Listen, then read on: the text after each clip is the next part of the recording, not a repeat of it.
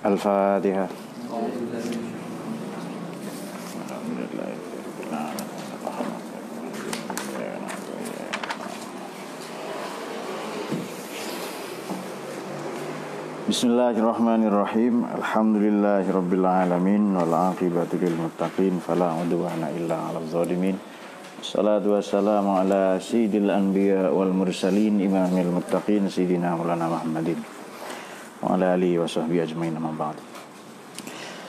Kita akan mengkaji lagi kitab Hikam lil Imam Tajuddin Ahmad Ibnu Athaillah Al-Iskandaroni atau As-Sakandari Kitab ini sangat istimewa ya. Kita pernah hatamkan beberapa tahun yang lalu tapi akan kita mulai lagi.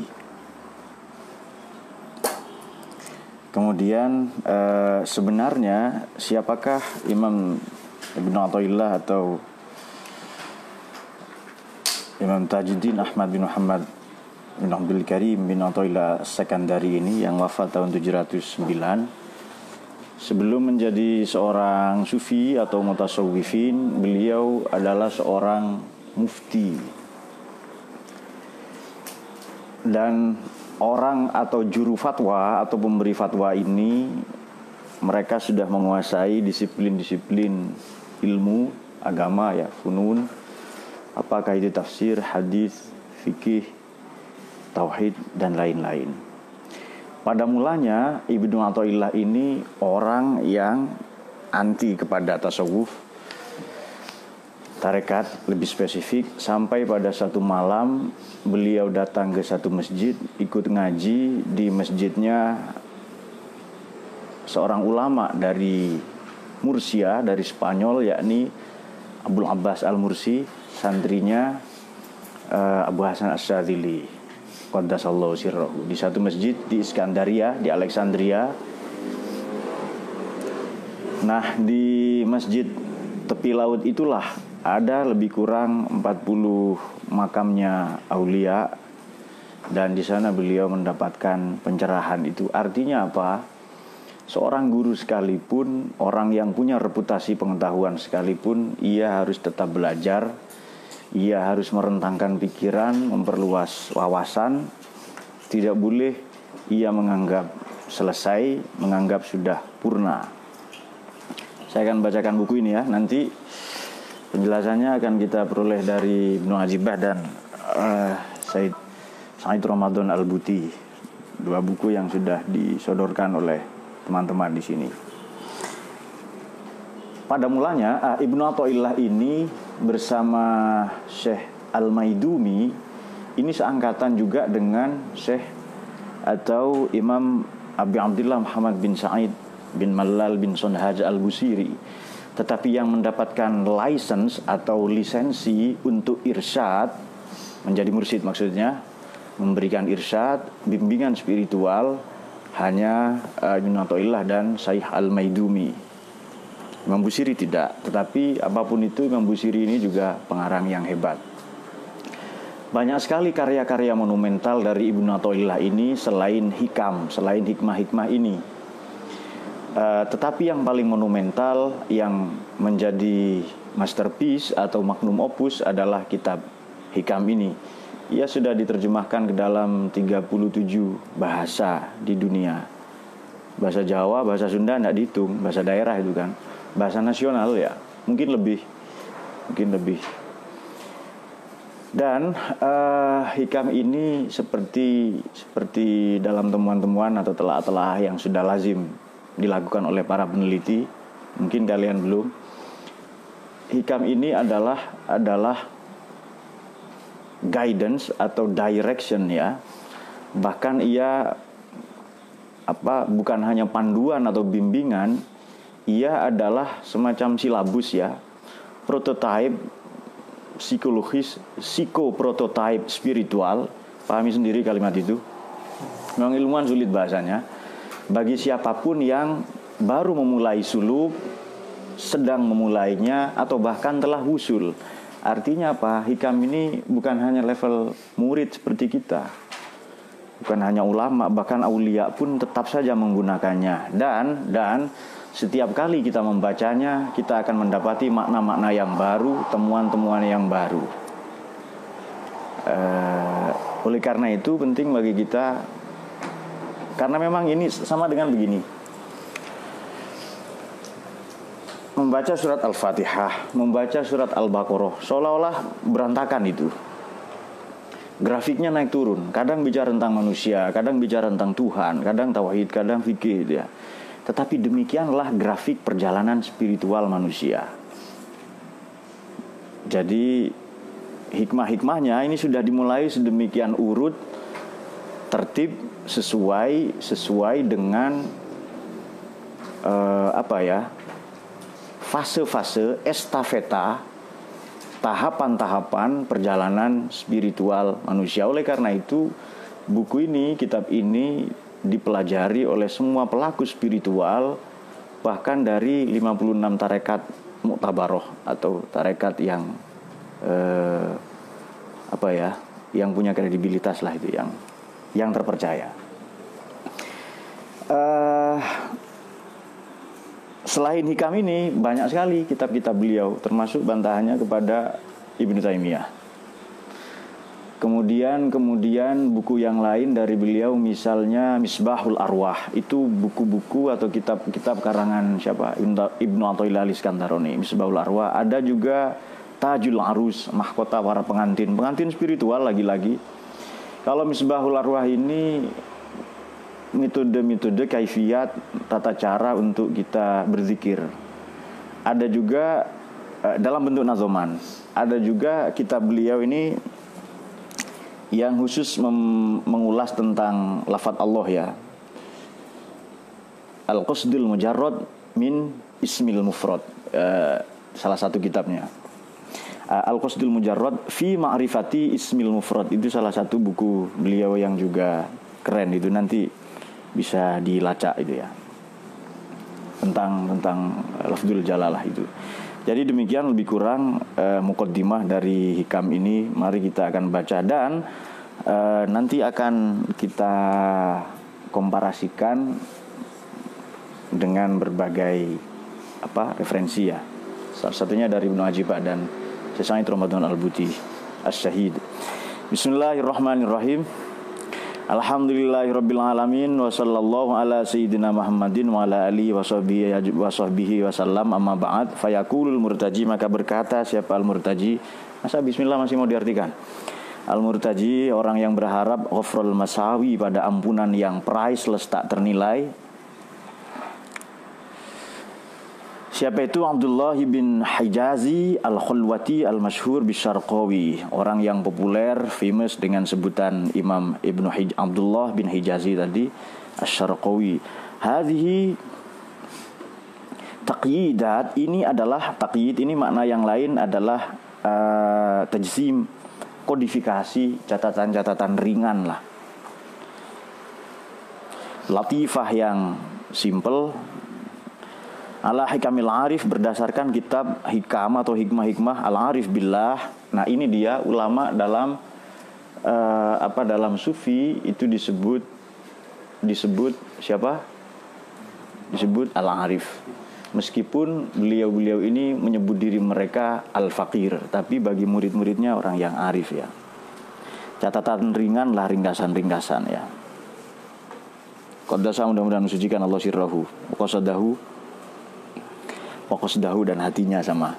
Biha dengan hikam itu fil ghalibil khitabil muridina secara umum dalam ceramah-ceramah beliau atau ajaran-ajaran indoktrinasi beliau kepada murid-murid as yang concern. Watarqihim dan menaikkan level muridin itu ila maqamil irfan pada makom irfan. Tambahan an ini berarti pengetahuan yang sempurna ya seperti qira'a mengikuti huruf dengan suara atau diartikan membaca. Kalau Quran, bacaan yang sempurna. Irfan, pengetahuan yang sempurna. Acul mana? Syaiton, jauhnya dari Allah sempurna aja. Fayam bagi maka seharusnya lana bagi kita anak tasirontu. Ya meringkas ya. Ala bayani maksudi terhadap penjelasan maksud beliau bihasbil imkan sebisa mungkin. Qala radhiyallahu an. Min alamatil i'timad 'alal amali nuqsanur rajai yang inda wujudi zalali. Nah, kitab ini kok dimulai langsung dengan dengan min alamatil i'timad. Ini semata-mata untuk mendekonstruksi cara pandang kita selama ini yang merasa sampai kan banyak orang lalu ada quote yang sangat populer itu ya. Banyak orang yang baru memulai merasa telah sampai eh, kemudian merasa telah memulai padahal belum berbuat apa-apa. Jadi kita diajak berpetualang memasuki satu atmosfer spiritual yang kita ini dijungkir balikkan sedemikian rupa sehingga kita ini tiba-tiba menjadi fana. Ah, itu dia di hadapan Tuhan itu. Kita memasuki level yang apa ya? nol lagi lah, super zero di hadapan Tuhan, pengetahuan kita, pencapaian kita dan lain-lain. Ai amalul jawar ialah sebagian dari alamatul i'timad, ciri-ciri orang yang bergantung alal amal Bergantung pada amal ini kalau kata Ibnu Ajibah al-i'timad ala syai' wal istinad bergantung alaihi war rukun dan percaya ilahi pada amal. Wal amalu amal itu apa? Adalah harokatul jism, gerak dari jas, jasad ini ya, jisim. Awil kolb atau hati. Fa in taharroka apabila bergerak bima dengan cara apa yuafiku yang sesuai syariah dengan cara yang sesuai syariat sumia to'ah dinamakan ketaatan. Kemudian istimewa ya ada yang ikut ngaji ini. Wa in taharroka dan apabila bergerak Bima terhadap apa yukhalifu syariah yang tidak sesuai dengan syariat sumia maksiat dinamakan maksiat. Wal amal inda ahlil fan bagi para sufi, bagi ahli tasawuf adalah ala salah satu aksam amalul syariah, amalul tariqah dan amalul haqiqah. Autakulu atau berkata engkau amalul Islam, amalul iman, amalul ihsan. Ada orang yang namanya ihsan seneng dia. Hasannya sempurna. Uh, kemudian kemudian amalul ibadah, amalul ubudiyah dan amalul ubudah ayil hurriyah nanti akan kita bahas sedikit itu ya. Baik, kita teruskan ini. Amalul jawari perbuatan anggota badan min solawatin dari solat solat wazkarin dan zikir zikir wa wal mu'tamid dan orang yang berpegang teguh. Ala zalikal ibad al muridun ala zalika terhadap amal itu ya ya hamba-hamba ini al muridun yang berharap semuanya fal awwalun yang menginginkan. Yang pertama yang tamiduna alaiha berharap alaiha terhadap dengan amal itu dengan solawat azkar amal itu fi duhulil jannati wa tanaum dan bernikmat-nikmat ria di dalam jannah. Wan dan selamat min azabillah taala dari azabnya Allah taala. Wal akhirun yang lain yang tamiduna alaiha fil busuli ilallah. Berharap dengan dengan dengan dengan amal itu ya. Solawat dan lain-lain itu untuk usul kepada Allah ini. Memang begini, ada orang-orang uh, sebenarnya sebenarnya dalam tasawuf ini ijabah telah mendahului doa. Tawakal seharusnya mendahului amal. Faiza azamta fatawakal Allah.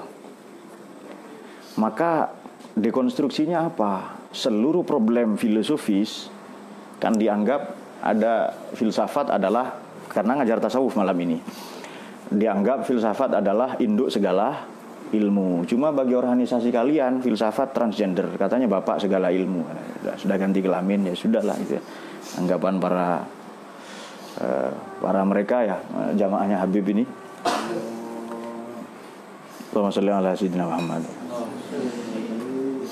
Pertanyaannya, lalu induknya filsafat itu apa? Mengapa kita diminta oleh Allah bertanya kepada ahlu zikr, ya kan? Kemudian kemudian orang yang pinter, yang cerdas adalah alladzina yazkurun Allah.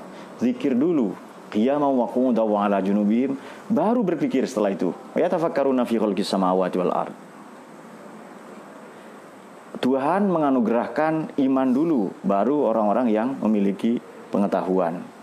Jadi sebenarnya secara spiritual kita ini sudah sampai, sudah wusul.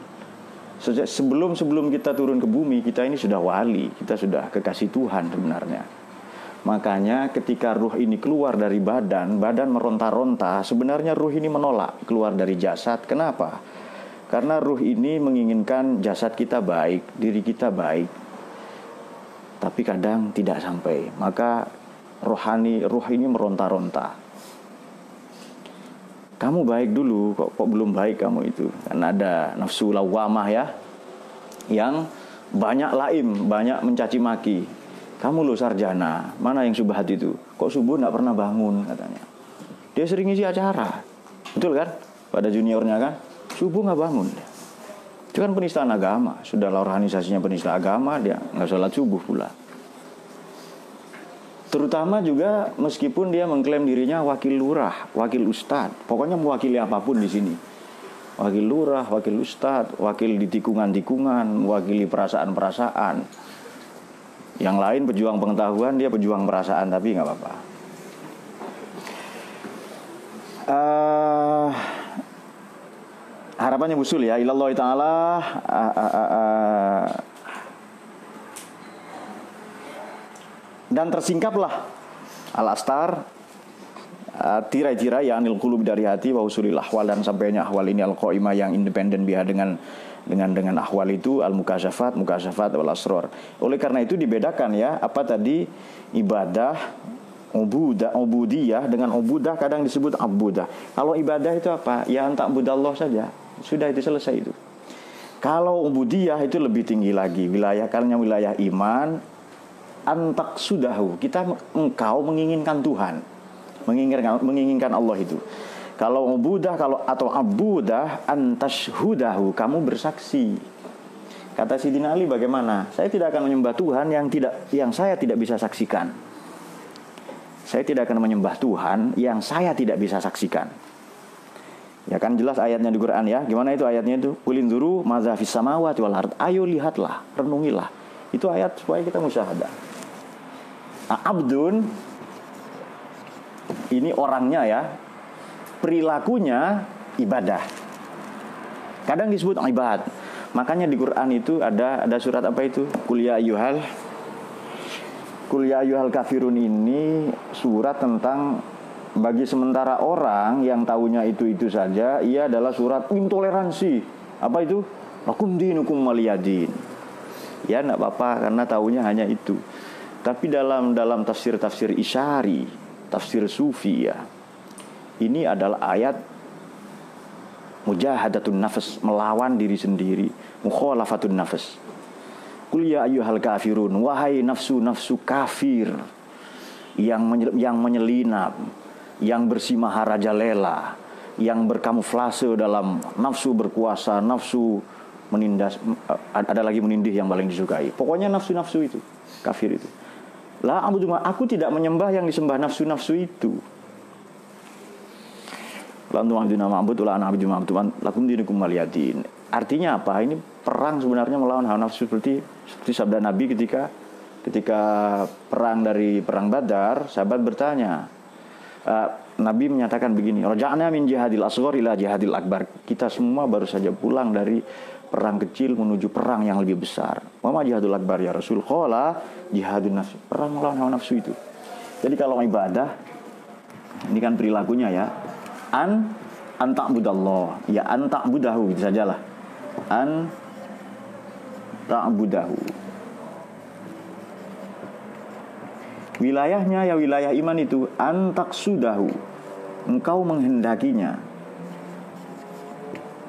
kalau ibadah ya kompensasi, tidak minta surga, minta macam-macam ya, minta korupsi supaya tidak ketahuan, macam-macam lah itu. Kalau abuda atau abuda, antasyhadahu. Caranya musyahadah ini level pertama, teman-teman yang belum semoga bisa dikunyah ya, yang belum bisa mengunyah pernyataan-pernyataan ini teman-teman yang baru nanti bisa bertanya ke Ustadz Nafis ya atau Ustadz Yani. Kalau sudah terpaksa nggak ada ke wakil Ustadz nggak apa-apa, Ustadz Sipul itu dan bisa juga nanti. Yang dulu pernah hatam ngaji ini. Uh, kita teruskan sedikit. Walasror rahasia-rahasia kilahuma tidak keduanya itu mazmum nasiun tumbuh min ru'yatin nafsi dari memandang diri sendiri atau nafsu mensibatul amal ilaiha dan menisbatkan amal kepadanya hatta yang taju sehingga uh, uh, ma zakaro amal ma zakaro amal uh, arifuna fala yarona li anfusihim syai'an. Sehingga memperoleh terhadap apa yang telah disebutkan amal arifun adapun orang-orang yang arif tidak memandang pada diri mereka sendiri. Tidak hadun nafas ya memandang apa? Apa yang diperoleh dirinya itu Hatta yang tamidu sehingga berpegang teguh mereka semua lagi kepadanya. Bal yasahiduna anal fa'il. Mereka semua bermusyahadah bersaksi bahwa mempersaksikan diri. Sungguhnya fa'il al hakiki adalah pelaku yang hakiki adalah Allah itu sendiri. Annahum halun lidzuhuri dzalika faqat ya Tuhan itu bahwa para arifin ini memandang dirinya pelaku yang menggerakkan amal ini Allah bukan dirinya sendiri. Diri kita adalah tempat bagi terjadinya amal-amal itu saja maksudnya sama dengan zikir. Kalau kalau ah, mengapa tadi fasalu ahla zikir ya kan? Uh, sebenarnya sebenarnya ada ayat di Quran wa fi anfusikum afala tubsirun. Dan dalam dirimu sendiri mengapa tidak kamu saksikan? Nanti kalau sudah wahdah menyatu az-zakir dengan al-mazkur orang yang berzikir dengan zat yang yang kita sebut-sebut kita ingat-ingat to mention dan to remember itu kalau sudah menyatu nanti sampai pada kesimpulan wallahu khairuz zakirin. Tuhanlah sebaik-baik yang berzikir. Artinya apa? Lisan, jawar ya. Bahkan hati kita hanya hanya hanya medium cara Tuhan mengingat-ingat menyebut-nyebut dirinya sendiri. Eh, kira-kira seperti itu. Hanya engkau yang berzikir. Hanya Allah yang berzikir. Terus lisan kita ini nyebut-nyebut siapa? Akibat dari zikirnya Allah itu lisan kita berzikir akibat dari ijabahnya Allah itu jasad kita, tubuh kita beramal. Uh, ini mendekonstruksi. Makanya zikir itu ya ya seperti itu ya. Ada lagi padanan-padanan uh, uh, uh, ayatnya kalau mau kita cari hafizu ala solawati wa solatil wusto. Ayo jaga sholat dan sholat asar ya kan. Ayo jaga sholat-sholatmu, sholat dengan lisan, sholat dengan gerak tubuh, harokat, sholat dengan pikiran, wassolatil wusto dan sholat yang di tengah. Apa itu? Di dada kita ini, ya hati ini maksudnya. Mungkin penjelasan ini juga jarang, sorry tidak sesuai depak itu sajalah. Ya depak yang untuk yang cocok dengan depak yang luhurian ya harus berbeda sedikit. Eh, kalau begitu, kalau begitu, ada orang yang beramal berharap surga, selamat dari neraka. Tapi Arifin tidak. Tadi di, dikatakan ya adalah bahwa tubuh ini, jasad kita, lisan kita, gerak-gerik kita, ahwal kita, semuanya hanya akibat dari perbuatan Tuhan itu sendiri. Hanya akibat dari zikirnya Allah itu. Memang ada kita, tapi apakah sudah benar? zikrul asma menyebut Allah Allah Razzaq Wahab Fattah Ali Malikul Mulki Azal Jalalil Karam? Ya betul. Tapi harus ada yang lebih lebih dari itu. Ada zikir sifat ya.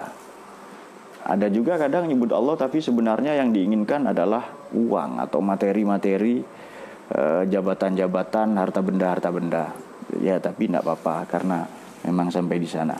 Saro dan memberi isyarat ya. Memberikan petunjuk al-musannifu pengarang ini. Rahimah mudah-mudahan merahmati kepada beliau Allah taala ila alamatin pada satu ciri yang arifu bihal abdu yang bisa mengetahui nafsahu seorang hamba pada dirinya. Famin alamati kaunihi minal qismain ala walin nuqsanur roja yakni hilangnya roja roja'u fillahi taala ayadkhulahul jannah untuk masuk surga wa yanjihi dan menyelamatkan Allah. Itu minal azabi dari azabnya. In kana minal ibadi wa ayyusalahu ila matlubihil muntaqaddam pada tujuan menyampaikannya pada tujuan yang lebih utama atau lebih diprioritaskan. In kana minal muridin inda wujudi zalal yakni ketika terjadi kegagalan. Uh, musibah-musibah bencana-bencana tragedi-tragedi bi antas darahu minhu maksiatun gaznan wa ghaflatun min ghaflatun anillahi taala. Uh, kita bisa melacaknya begini. Roja, roja itu apa? Kita sudah belajar Minhajul Abidin ya. Baik. Roja yang pertama adalah roja yang pertama misalnya harapan kita kepada Tuhan itu apa? Harapan kita pada Tuhan adalah apa? Satu misalnya kita mau tijarotan lan tabur. Kita mau keuntungan yang lebih di akhirat. Tijarotan lan tabur dagang yang tidak rugi. Modalnya sedikit, untungnya banyak. Mau mau nggak? Mau mau nggak kalian itu? Mau nggak? Ini mau versi nafsu, amal sedikit masuk surga. Kelonan sama bidadari 700, ya kan? Betul kan? Versi ustadz-ustadz impor itu loh, jenggot impor itu loh. Betul kan maunya itu kan? Itu maunya nafsu itu. Dan kita semua menginginkan itu sebenarnya. Meskipun jenggot kita tidak impor. Ini uh, apa ya? Pokoknya nafsu itu perbuatan sedikit, amal sedikit, kepingin masuk surga. Maunya zikir itu sekali saja. Yang penting saya zikir satu tapi tembus menggetarkan aras misalnya. Saya belajar sedikit tapi maunya pinternya banyak. Betul kan? Itu maunya nafsu itu. Lihat saja muka-muka yang mewakili nafsu dengan Margono, Bahri, Acul ya. Zen ini juga. Kemudian Falah, Tahafut Falah Cika ya. Oh, mana cikanya ini?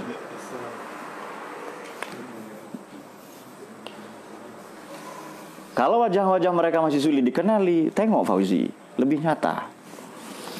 Nah, ada nanti yang yang lebih tinggi dia sudah sudah tidak menginginkan itu.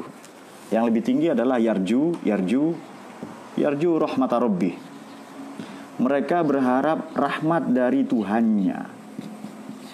Ini lebih tinggi lagi ini. Berharap rahmat dari Tuhannya. Menginginkan cinta kasih. Ya kalau saya masuk surga bukan karena amal saya, karena Allah mengasihani saya. Lebih keren lah sedikit ini. Kalau saya masuk surga, diperkenankan masuk surga, nggak penting bidadari. Tapi karena Tuhan mengasihani saya, sudahlah amal saya sedikit. Apa? Uh, Allah menciptakan mati dan hidup. Liyabluwakum ayyukum ahsanu amala. Amalnya yang paling baik bagi fikih itu aswab benar, bagi tasawuf itu ah akhlas yang paling murni.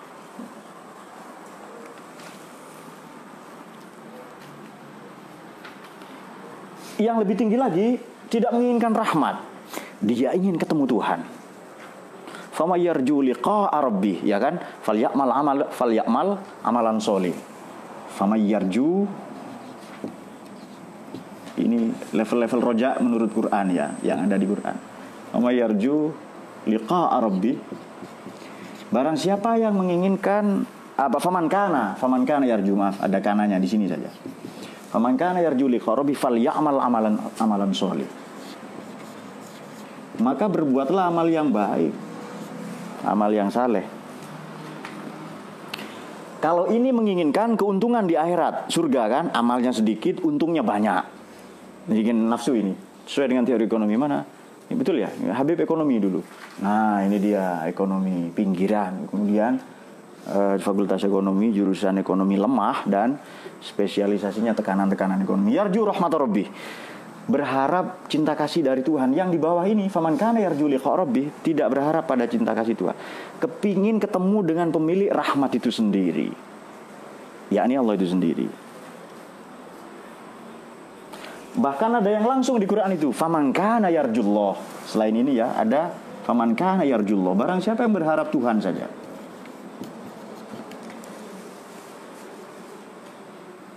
Pertama ya nafsu itu pokoknya pingin yang enak-enak. Belajar sedikit, pingin pinter, kerja sedikit, pingin kaya, amal sedikit, pingin masuk surga. Itu aturan mainnya nafsu seperti itu. Makanya kata Imam Busiri bagaimana yang seangkatan dengan beliau ini siapa? Kalau kamu perturutkan nafsumu, yasmi, yusmi au yasmi. Kalau kau tidak celaka, kau akan terhina atau tercela. Yang ini berharap rahmat, ini berharap keuntungan di akhirat, yang ini berharap rahmat, yang ini berharap ketemu dengan pemilik rahmat atau langsung ketemu Allah saja. Fama yarju, fama yarjullah. Ada orang-orang yang memang kepingin ketemu dengan ah liman kana yarjullah. Liman kana yarjullah yaumil akhir itu loh. Liman kan yarjullah Artinya tidak lagi pakai atribut apa pun, tidak rahmat, tidak tijaratan lantabur, langsung ketemu pemilik rahmat atau Allah itu sendiri. Baik. Kalau begitu level-level ini juga harus naik dari sekedar ibadah, ubudiyah, ubudah atau abudah itu. Misalnya begini, tadi Sayyidina Ali katakan, saya tidak akan menyembah Tuhan, tidak akan. Ini mukadimah saja ya, pemanasan ya. Jangan banyak-banyak. Saya tidak akan menyembah Tuhan yang saya tidak bisa lihat. Maksudnya saya tidak persaksikan. Tidak akan saya sembah Tuhan itu. Oleh karena itu, orang yang membaca Quran dia bercakap-cakap dengan Tuhan. Begitu pula, begitu pula uh, sholat itu, dia berhadap-hadapan dengan Tuhan langsung. Karena kata roh, fa'ilam taru fa'innahu yaroka. Uh, bisakah ini? Ya bisa, bisa. Tergantung kita melatihnya bagaimana. Nah, untuk orang-orang seperti kita, ya Ayo renungi di langit dan di bumi kulin duru maza fis samawati wal ard. Maza fis fis samawati wal ard. Apa yang bayan? Kalau Anda membaca buku, maaf ya, buku saya tahun 2006 tersesat jalan yang benar sudah ada pembahasan mengenai hidden ultimate values. Sudah ada bayan ya. Itu buku itu ditulis ketika penulisnya masih sangat muda waktu itu. Kalau saya baca sekarang kok masih tetap keren buku ini ya, ya meskipun adalah kekurangan-kekurangan ya. Namanya anak muda lah dengan teknologi yang masih sangat sangat terbatas tadi itu. Baik. Uh, makanya nanti di hikmah-hikmah berikutnya kan ada matlabul arifin. Ini nafis tahu atau yang sudah sudah ngaji ini ya dulu ya. Uh, matlabul apa? Asidqu fil ubudiyah. Yang tujuan orang arifin itu sebenarnya. Bolehkah kita berharap surga? Ya boleh. Oh itu level kita begitu kok. Berharap surga, ingin selamat dari neraka, ingin pahala di akhirat, ya sudah. Tetapi perlu saudara ketahui bahwa tasawuf ini finalnya bukan hakikat. Saya ulangi, finalnya tasawuf ini bukan hakikat. Finalnya adalah hakikat yang tetap bersyariat. Ya seperti kanjeng Nabi itu. Mi'raj nanti turun lagi itu. Setelah takbir, ini kan Allahu Akbar ya, naik itu nanti turun assalamualaikum ke, ke kanan dan ke kiri apa menebar keselamatan, kesejahteraan, kedamaian, kemakmuran dan seterusnya itu.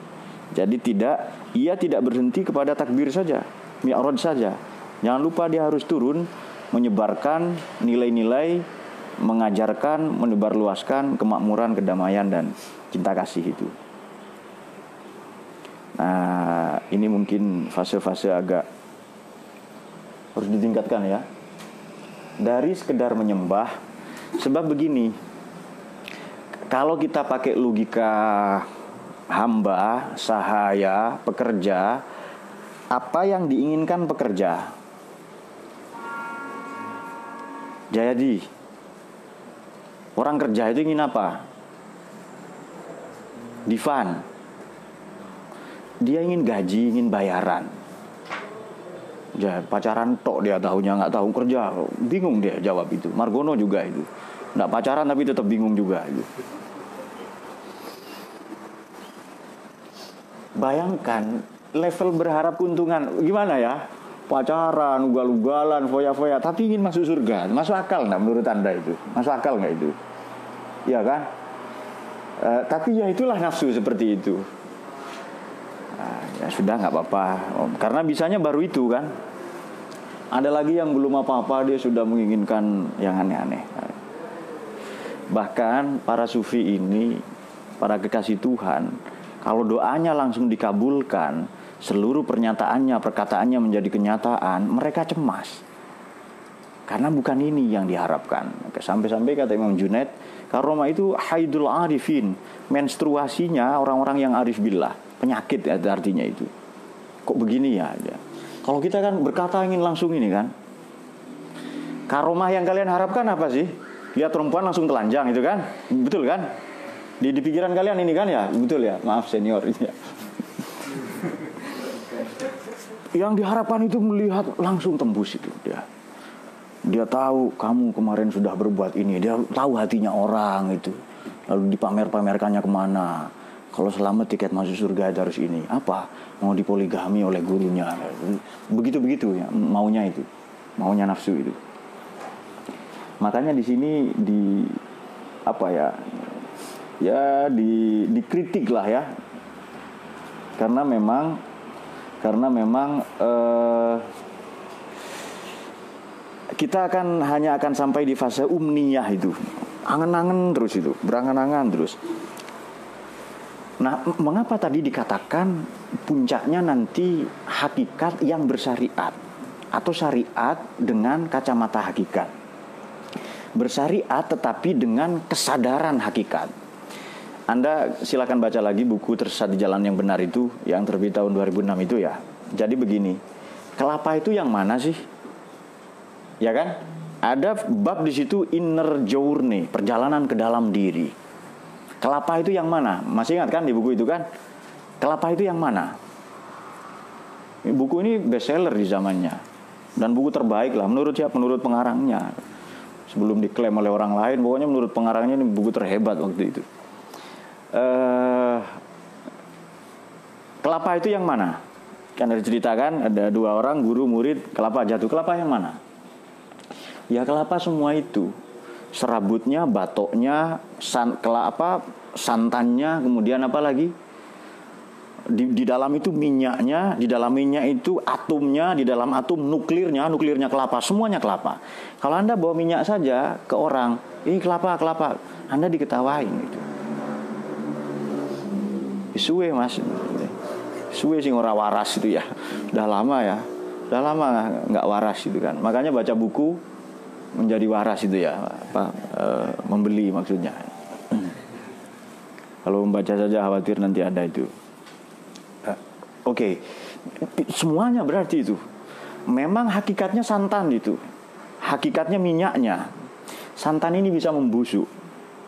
Harus direbus dengan dengan panas tiga dipanaskan dengan panas 3000 derajat sampai jadi minyak, sampai makrifat. Musyahadah itu ya, sampai makrifat. Fase pertamanya memang merokobah itu merasa diawasi terus, dipantau, dikontrol, dikendalikan, didengar oleh Tuhan itu. Eh, kalau tidak, kalau tidak, ya santan pun bisa membusuk nanti. Coba taruh santan di sini, dua tiga hari busuk. Kalau minyak lebih awet apalagi atomnya, nuklirnya yang kita tidak tahu ya, yang tidak kelihatan itu. Apa? Zarroh ya, mungkin zarroh itu atom yang dimaksud. Nawa, Nawawi itu atomnya, nuklirnya atau zarrohnya. Ya semua itu kalau Anda katakan serabut saja itu kelapa ya salah. Artinya tidak mungkin syariat ini dipisahkan dari hakikat dan ini ajaran ahli sunnah wal jamaah. Anda boleh ngaji seperti ini. Supaya apa? Supaya bersyariat ini dengan kesadaran hakikat. Supaya supaya uh, Islam kita dengan kesadaran ihsan. Dengan perilaku yang mencerminkan iman. Kalau tidak, ya palsu saja. Nah, kepalsuan-kepalsuan ini banyak menipu. Makanya ya ayyuhal gafirun, kul ya ayyuhal gafirun. Wahai nafsu-nafsu ammaroh lawamah yang bersih maharajalela kafir ya menutup-nutupi kebenaran. La a'budu ma aku tidak mengikuti aku tidak menyembah sesembahanmu. Sesembahan nafsu itu tidak kita sembah. Ini kan mukhalafatun nafs ya melawan nafsu itu mujahadah dengan sungguh-sungguh hak jihadih ya supaya supaya kita mampu mengalahkan itu Uh, kemudian kemudian indah wujudi zalal. Orang-orang yang ditimpa musibah malapetaka dia gampang putus asa. Kalau menggantungkan diri mengandalkan amalnya. Wa bismillahirrahmanirrahim wa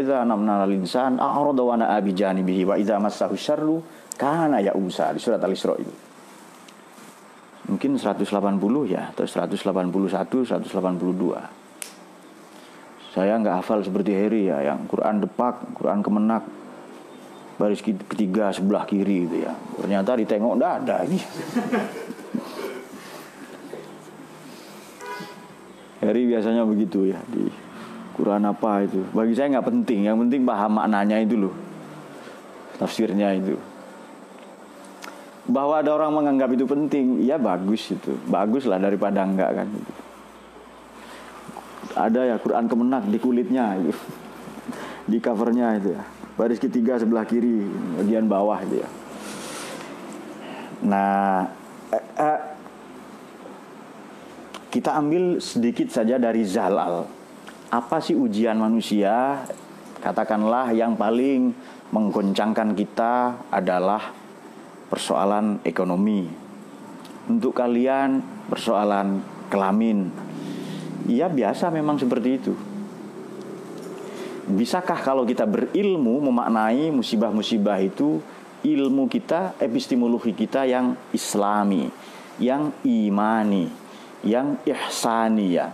Kalau bisa, ah, itu baru nanti keren itu. Karena ada syariat kemarin sering kita singgung ya islahis zawahir, tarekat li islahid dhamair atau bawatin, hakikatul islahis saroir. Dengan sendirinya, dengan sendirinya, kalau kita ditimpa musibah, rugi dalam berdagang, ada saudara atau orang-orang yang kita kasihi meninggal, mengalami kecelakaan. Waktu itu pernah kita hamparkan begini, hidup manusia itu bainal qabdi wal basti bainas saqawah was sa'adah antara derita dan bahagia terombang-ambing antara harapan dan putus asa. Kalau tidak luas ya sempit. Kalau pakai ayat Quran tulijul laila fin nahar wa tulijul nahara fil lail. Nahar siang penuh cahaya luas sekali dunia. Tapi begitu malam sempit. Maksudnya begini musibah itu qabd tidak punya uang, kobdun. Bodoh, kobdun. Diintimidasi, kobdun. Kalau punya uang, dihormati orang, basat. Sholat itu kobet atau basat? Na, apa nair apa uh, lail atau nahar terang itu sulit ya tapi tidak apa-apa lah saya tidak mau ulang-ulang lah nanti tanya ustadz-ustadznya saja ya. Jadi ayat Quran tulijul lail tulijul laila tulijul laila tulijul laila fin nahar wa tulijun nahara fil lail. Nahar ini simbol basat. Lail simbol apa tadi? Qabd.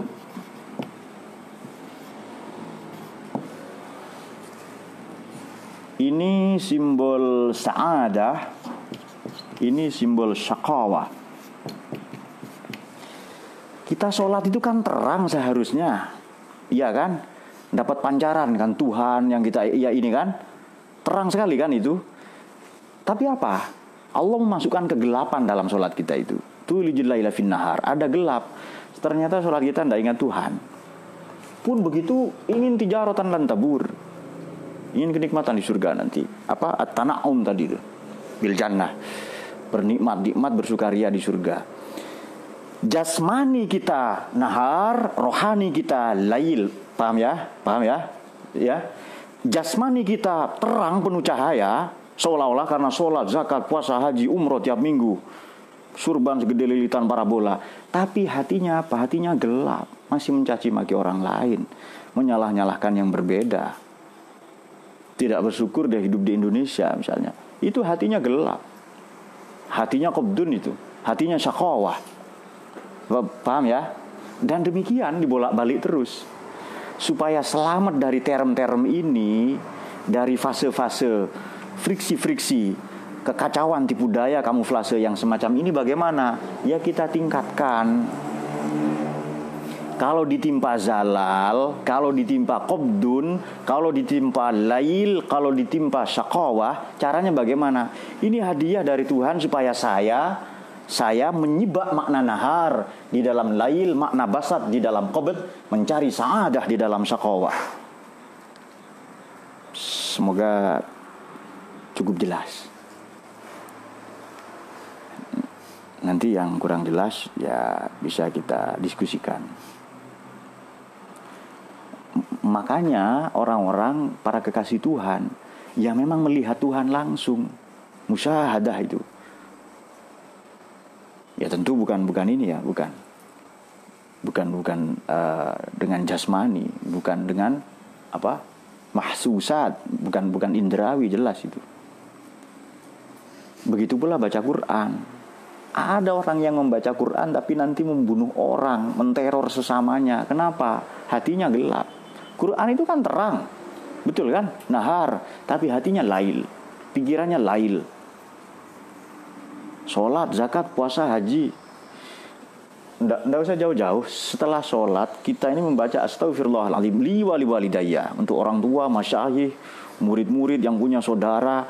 Bahkan wali jami'il muslimin wal muslimat. Kita memohon ampunan bagi muslimin muslimat, mukminin mukminat. Tetapi satu jam setelah sholat, kita saling membenci satu sama lain. Menyalahkan satu sama lain. Hanya gara-gara beda pilihan bekicot. 02 kan bekicot, ya kan? 02, 01. Kok cemen banget itu loh, receh banget kan?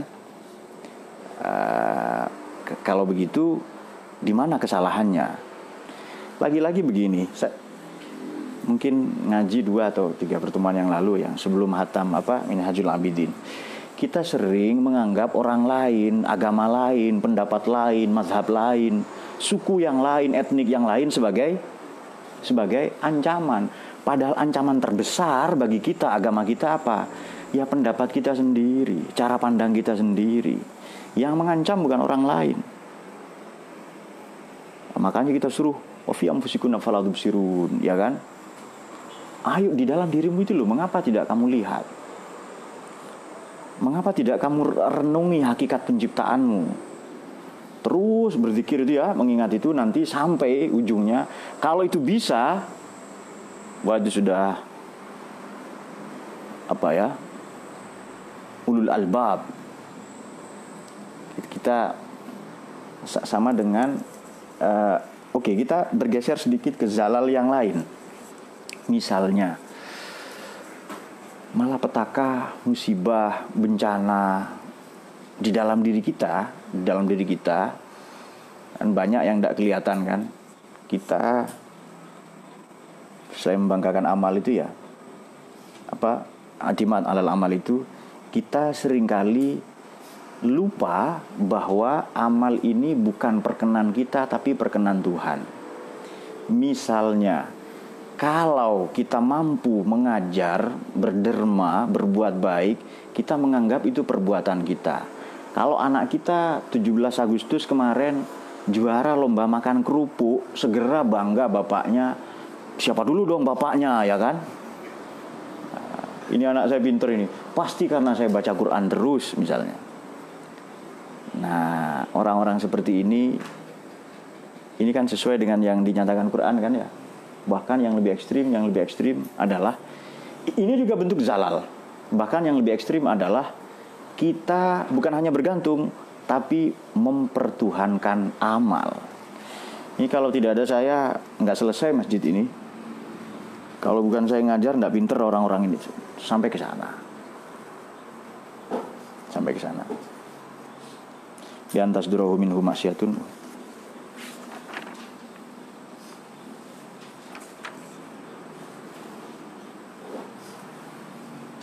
wa ghaflatun anillahi ta'ala wa tarku awradin min alamati kaunihi arifin fana'uhu an nafsihi wallahu a'lam. Baik sebagai mukaddimah itu saja ya.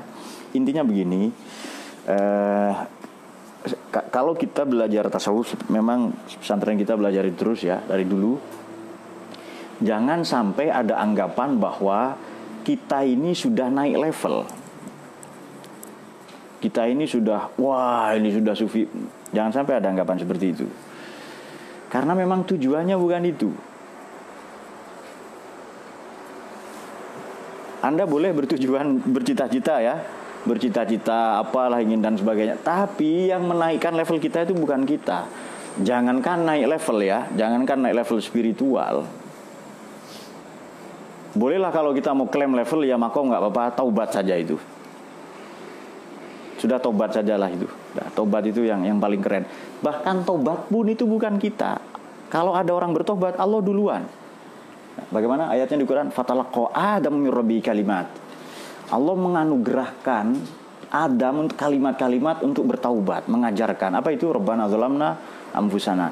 Jadi tobat pun bukan perbuatan kita, zikir pun bukan perbuatan kita. Kita ini akibat dari zikirnya Tuhan.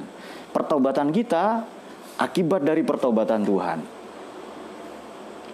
Terus kita masih menganggap diri kita penting. Karena ulama misalnya, karena tuan guru, karena kiai misalnya. Karena dia penulis buku misalnya kan. Penulis buku apa? Gembelku pergerakanku misalnya hello